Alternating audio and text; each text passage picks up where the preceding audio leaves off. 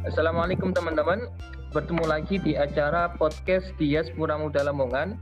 Perkenalkan, saya Muhammad Nail Muna sebagai penyiar podcast dalam kesempatan kali ini.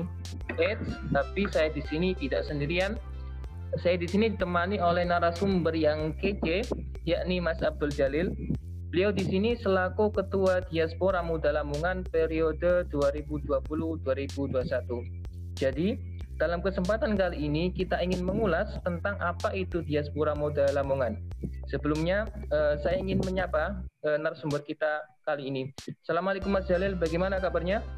Waalaikumsalam warahmatullahi wabarakatuh. Alhamdulillah kabarku sehat, bahagia, jasmani rohani Mas. Alhamdulillah, oke. Okay. Mana Mas Alul sehat juga? Alhamdulillah, meski corona tapi kita tetap harus jaga kesehatan Mas ya. Oke, okay, siap. Oke Mas, jadi saya ingin tanya-tanya Mas tentang beberapa hal berkaitan dengan diaspora muda Lamongan. Uh, yang ini yang yang yang pertama ya ini berkaitan dengan definisi ya Mas. Ya. Jenengan kan selaku ketuanya kan, saya rasa sangat paham tentang seluk beluk tentang diaspora muda Lamongan. Jadi apa sih itu diaspora muda Lamongan serta bagaimana sejarah terbentuknya Mas? Mungkin okay. bisa. Oke Mas Nail, ini langsung saya jawab ya. Yeah. Ambil ngopi nih tipis-tipis kan. Jadi Diaspora Muda Lamongan itu merupakan sebuah organisasi kepemudaan yang bersifat kesukarelaan atau voluntary mas yaitu non profit independen dan tidak berafiliasi dengan partai politik mana pun tidak non politik mas nah sekarang sudah berbadan hukum jelas dengan turunnya sertifikat atau akte notaris yang dikeluarkan oleh Direktorat Jenderal Administrasi Hukum Umum Republik Indonesia. Ya, bisa dibilang organisasi ini sudah tidak kaleng-kaleng lah, Mas. Bahasa kasarnya seperti itu. Karena dalam administrasi pun sudah legal dan patuh hukum. Sesuai aturan Undang-Undang Dasar 45 sebagai landasan hukum negara Indonesia. Nah, kalau mengenai sejarah, jadi begini, Mas.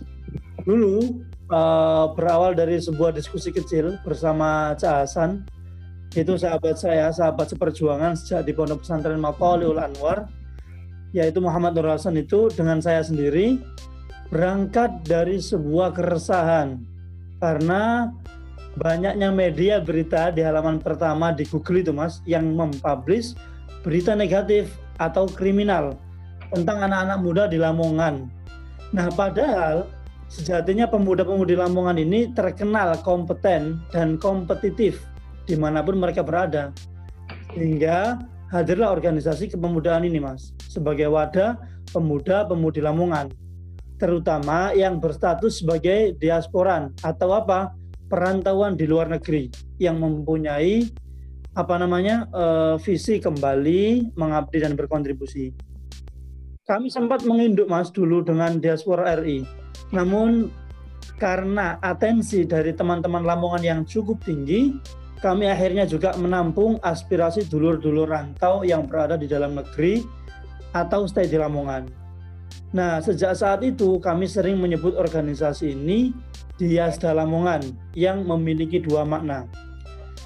Ini saya jelaskan lewat lisan aja Mas ya. Kalau ada beban tulis lebih enak mungkin.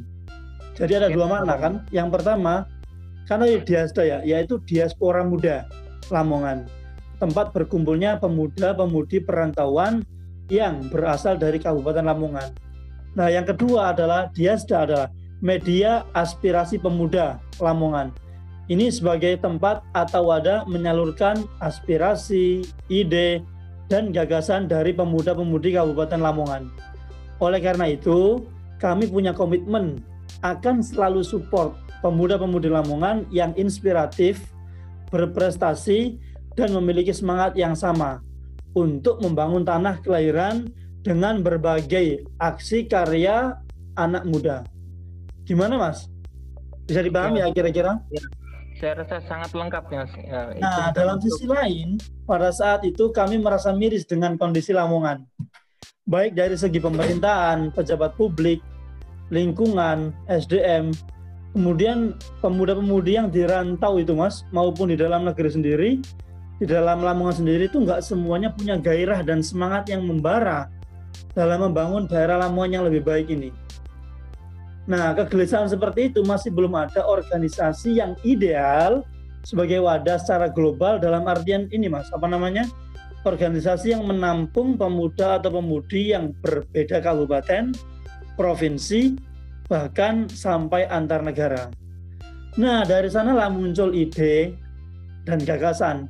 Ya opo rek nek dewe iki kate gawe organisasi di Lamongan. Gawe jaring pemuda Lamongan sing nduk jero maupun sing nduk rantau. Kanggo apa kanggo majuno tanah kelahiran Lamongan tercinta iki. Dari situlah Mas, bibit organisasi Diaspora Muda Lamongan mulai nampak. Secara resmi, organisasi Diaspora Muda Lamongan lahir pada tanggal 23 Juni 2018. Kira-kira seperti itu Mas Mas Nail, Mas Nail sejarahnya.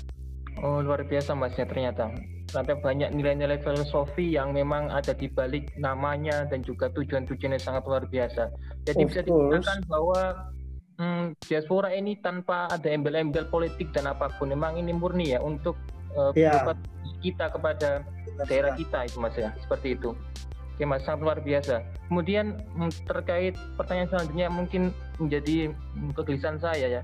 Jadi saya rasa banyak di luar sana yang ingin sebenarnya untuk masuk menjadi anggota diaspora. Jadi okay, sebenarnya okay. untuk keanggotaan ini diaspora diisi oleh siapa saja mas sebenarnya itu?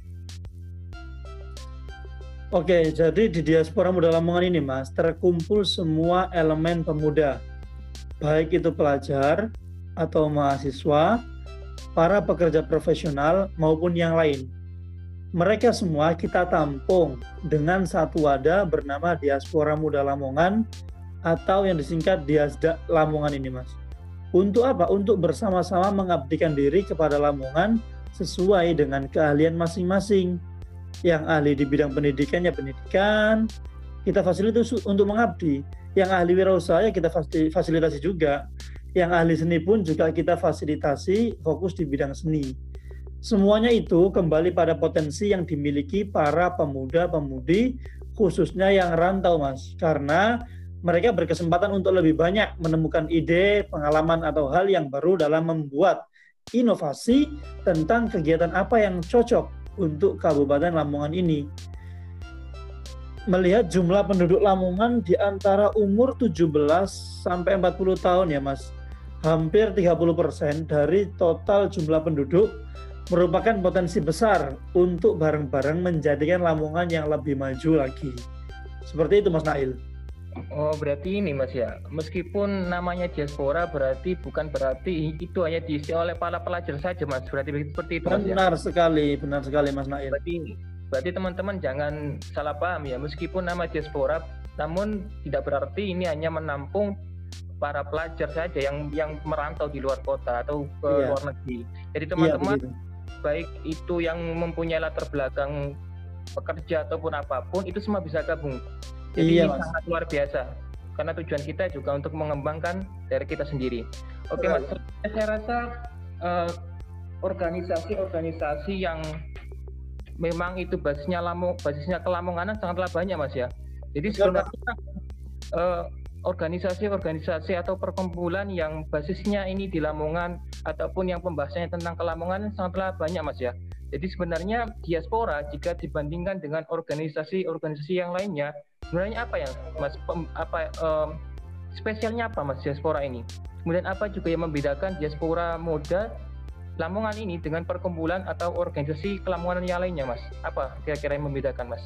Oke Mas Nail, singkat ya yang membedakan organisasi Diaspora Muda Lamongan dengan organisasi yang lain adalah di Diaspora Muda Lamongan ini kita bisa belajar ilmu baru sekaligus mengabdikan diri kita sesuai dengan apa yang kita mampu. Karena di dalamnya berkumpul orang Lamongan yang berkualitas, yang hebat-hebat, dan sudah mengukir prestasi di bidangnya masing-masing. Dan Mas Nail, kita sifatnya terbuka bagi komunitas lain yang ingin berkolaborasi dan aksi kegiatan bareng. Di Diasda ini SDM-nya sangat mumpuni, tinggal mau menggali di bidang mana untuk dimanfaatkan dan dijadikan apa pengabdian untuk Lamongan tercinta.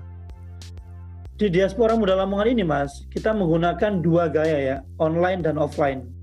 Yang online kita berfokus pada branding Lamongan, agar makin dikenal di masyarakat luas, baik di Indonesia maupun mancanegara. Yang kedua yaitu offline, agar diaspora muda Lamongan dapat terhubung mas dengan masyarakat secara langsung dan menyatukan sinergi untuk pembangunan yang lebih baik. Kira-kira seperti itu Mas Naid.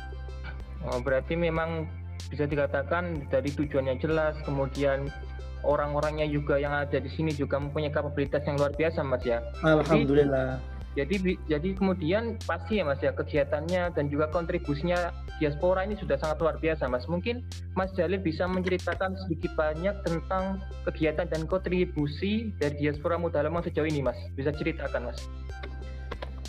Kalau cerita saya bilang pertama alhamdulillah ya. Tentu alhamdulillah sekali karena banyak sekali kegiatan diaspora muda Lamongan sesuai dengan divisi masing-masing mas. Misalkan ya, ada webinar atau seminar online, ada diaspora mengabdi, ada PNBB atau apa singkatan kepanjangannya, proyek nulis buku bareng. Yang setiap tahun mas menghasilkan satu buku sebagai wadah tekstual penyalur aspirasi, ide, gagasan teman-teman semua. Ada juga seminar kewirausahaan, sebagai penggerak roda perekonomian daerah. Kemudian ada diskusi terkait isu-isu terkini. Ada kegiatan baksos, bakti sosial, sejuta cinta untuk lansia. Ada konten memanusiakan manusia, trafik media, ada juga kegiatan di Asda Lamongan yang di luar negeri, Mas. Semisal kerjasama dengan organisasi kepemudaan, ngopi virtual, dan masih banyak banget kegiatan lain yang nggak bisa saya sebutkan satu persatu terbatas waktu, Mas. Nah, kegiatan diaspora muda Lamongan juga sangat banyak dan nyata langsung dirasakan oleh masyarakat Lamongan tentunya. Hasil dari PNBB yang saya sebutkan tadi, kita buatkan buku kemudian kita distribusikan ke masyarakat umum agar terbuka lagi pengetahuannya mengenai kelamonganan. Kemudian untuk masyarakat yang terdalam pun, Mas Nail, sudah bisa kita jangkau dengan memberikan edukasi tentang pendidikan dan masih banyak lagi tentunya masyarakat sendiri yang merasakan dampak secara langsung. Begitu Mas Nail.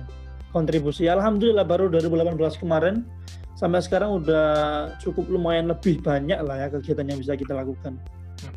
Iya, jadi memang sebenarnya kalau kita bagas diaspora pasti mas ya sangat banyak ini kontribusinya dan juga sumbangsinya kepada Lamongan ya. Mungkin Walaupun kita walaupun kita mencari Google ataupun kita searching di lewat Google pun itu sangat mudah ya. Pasti kegiatan-kegiatan dari diaspora ini akan muncul. Harus. tentu tentu. Kemudian pasti ya ini kemudian ini Mas ya. Kalau misalnya saya ya yang berada di luar anggota diaspora, kemudian saya ingin join Mas. Kemudian gimana Mas caranya agar saya bisa join langsung ke diaspora ini Mas? Gampang caranya banget lah.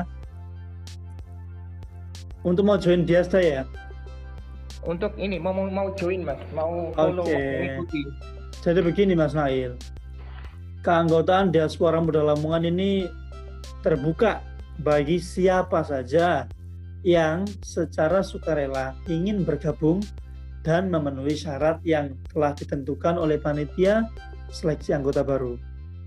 Nah, apa aja kira-kira? Adapun syaratnya adalah sebagai berikut, Mas.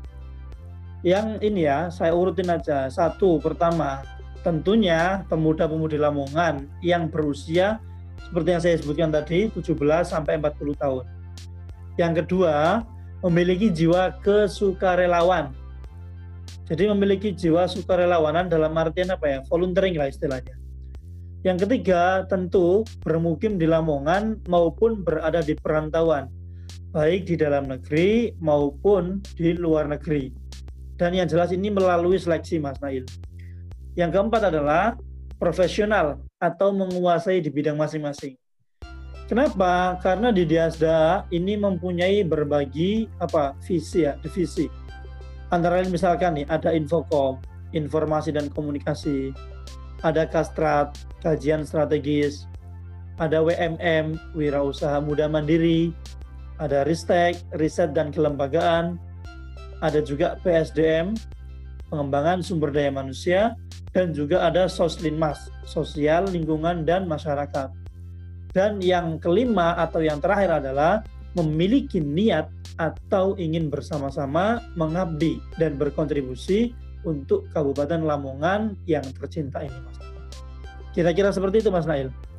Oh, Oke okay, Mas, uh, berarti ini teman-teman ya, berarti diaspora ini sebenarnya bukan organisasi biasa, bukannya sekedar organisasi atau perkumpulan sekitar ngumpul, mm-hmm. tapi ini membahas bagaimana perkembangan Lamongan, Benar, kita menyatukan gagasan, bagaimana iya. kemajuan Lamongan ke, ke depannya. Dan ini juga tidak terbatas hanya kepada orang-orang yang belajar ataupun para pelajar baik itu dalam maupun luar negeri. Ini iya. juga mencakup banyak banyak banyak uh, banyak ranah bagi itu pekerjaan dan sebagainya. Karena tujuan utamanya bagaimana kita bisa memajukan Lamongan. Seperti itu Mas ya. Iya, ya mohon maaf kalau penjelasannya kurang fasih dan ini ya kalau secara lisan. Lebih ya, enak kalau ada yang mau ngopi ngobrol bareng lebih terbuka banget dengan senang hati. Sangat luar biasa penjelasannya. Jadi seperti teman-teman ya. Uh, untuk teman-teman yang mendengarkan podcast tetap stay on di siaran podcast selanjutnya karena kita akan terus menyiarkan podcast-podcast yang bermanfaat tentunya ya.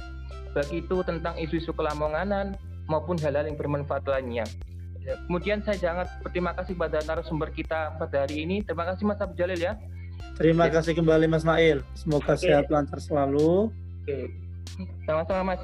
Jadi, jadi in the last, saya beserta narasumber izin pamit. Wassalamualaikum warahmatullahi wabarakatuh. wabarakatuh.